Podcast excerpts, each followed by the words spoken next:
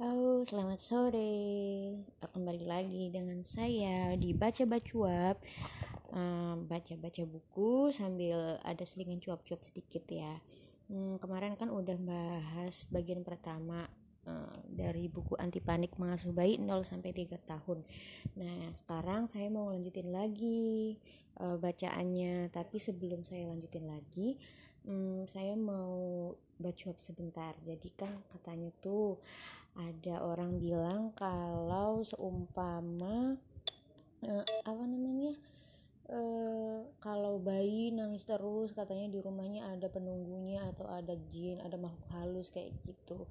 Ya itu sih terserah ya mau percaya atau enggak.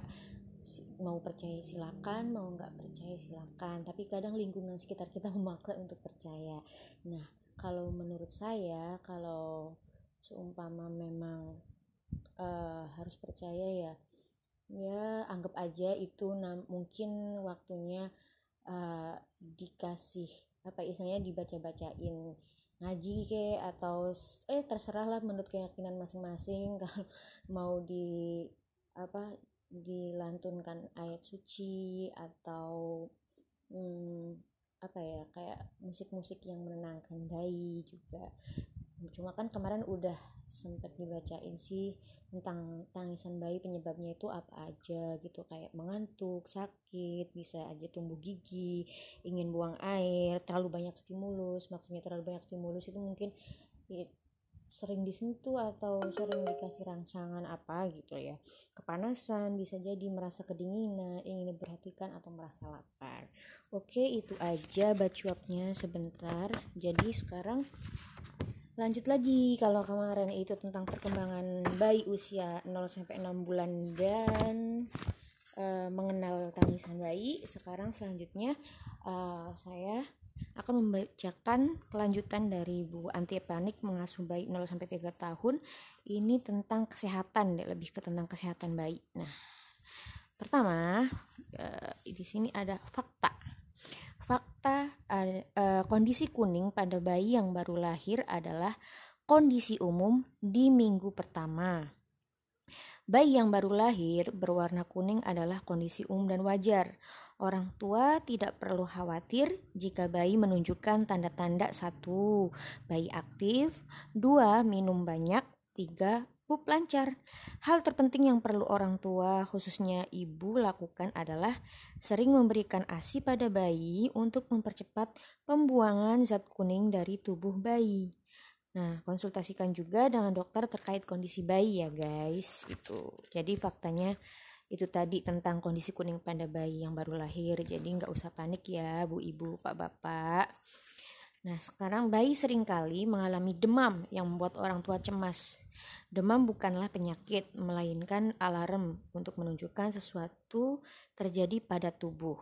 Nah, demam itu dapat dipicu oleh infeksi infeksi virus atau bakteri, e, bisa jadi juga oleh aktivitas berlebihan, e, pasca imunisasi, kelelahan, kurang minum, atau terlalu banyak stimul stimulasi gitu. Jadi itu tadi ya pemicu demam itu ada yang infeksi virus atau bakteri, aktivitas berlebihan, kelelahan pasca imunisasi, kurang minum, terlalu banyak stimulasi. Jadi ada ada macam-macam. Nah, penurunan panas hanya penurun panas maksudnya penurun panas hanya boleh diberikan ketika suhu tubuh anak mencapai 38,5 derajat Celcius. Nah, ini ada kutipan dari salah satu selebriti Indonesia. Ini dari Mbak Karisa Putri, ibu dari Quenzi yang main ayat-ayat cinta itu loh. Jadi kutipannya itu salah satu hal yang membuatku panik jadi ibu yaitu pada saat anak sakit. Kalau bisa memilih lebih baik aku aja yang sakit. Nah, ini juga ngomongin masalah demam. Teman saya juga sempat sih masa-masa pandemi corona saat ini tuh teman saya uh, sempat anaknya harus dirujuk ke rumah sakit. Untungnya sih nggak sampai di opname. Jadi anaknya teman saya itu juga demam katanya penyebabnya itu akibat virus aerosol. Jadi virus aerosol itu katanya sih yang menyebar lewat udara gitu. Nah oke lanjut. Dan itu teman-teman saya juga panik loh kayak gitu. Wajar lah yang namanya anak apalagi masih bayi gitu sakit kan kita juga bingung. Kalau anak masih bayi kan nggak ngerti kan kita nanya ini sakitnya kayak gimana? Apa yang dirasain? Kan susah juga ya cuma bisa nangis doang. Jadi wajar lah kalau orang tua khawatir. Nah selanjutnya eh, kapan perlu ke dokter? Bayi perlu dibawa ke dokter jika Demam muncul kembali setelah sempat reda selama 24 jam itu. Kemudian terjadi kejang, tampak lemah dan kurang merespon.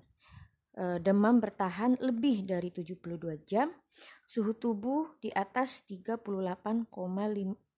derajat Celcius dan terjadi sesak napas. Jadi itu Kak bayi perlu dibawa dokter itu jika yang tadi saya sebutkan tadi.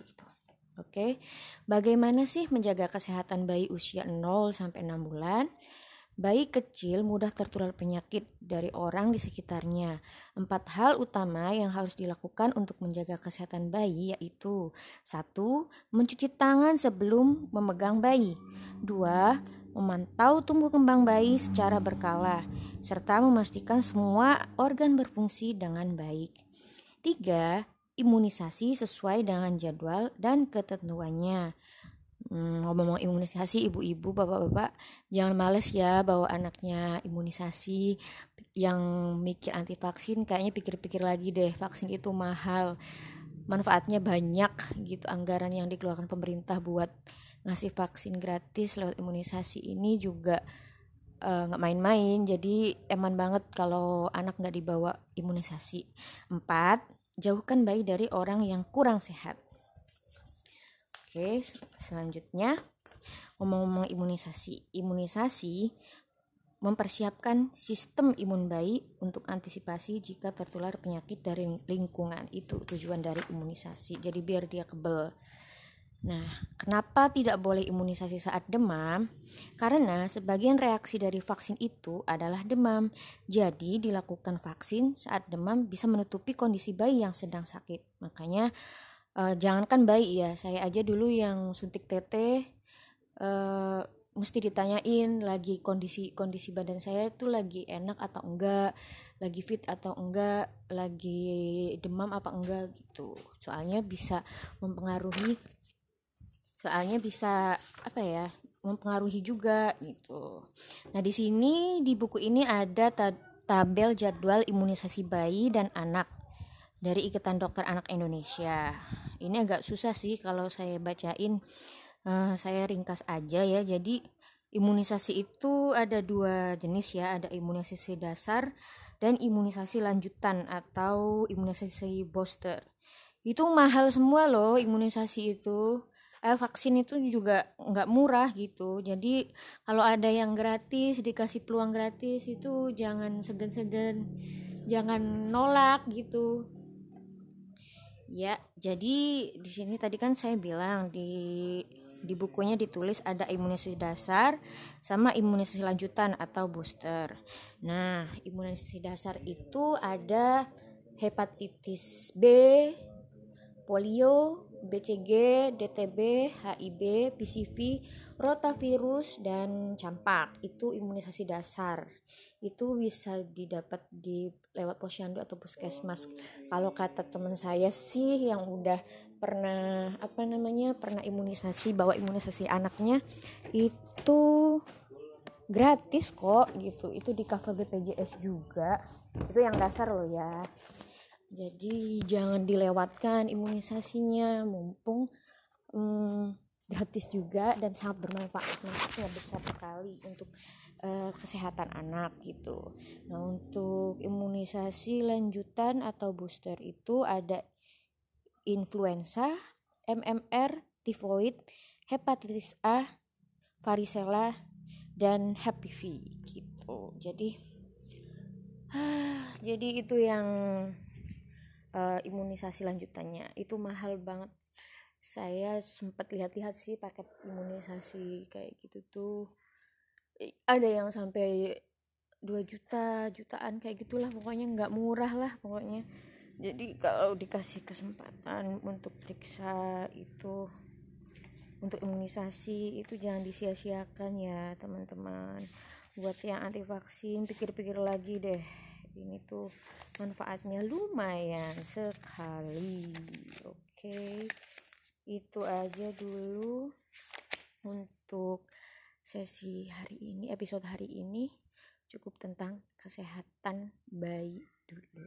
Oke terima kasih buat yang mendengar. Semoga bermanfaat.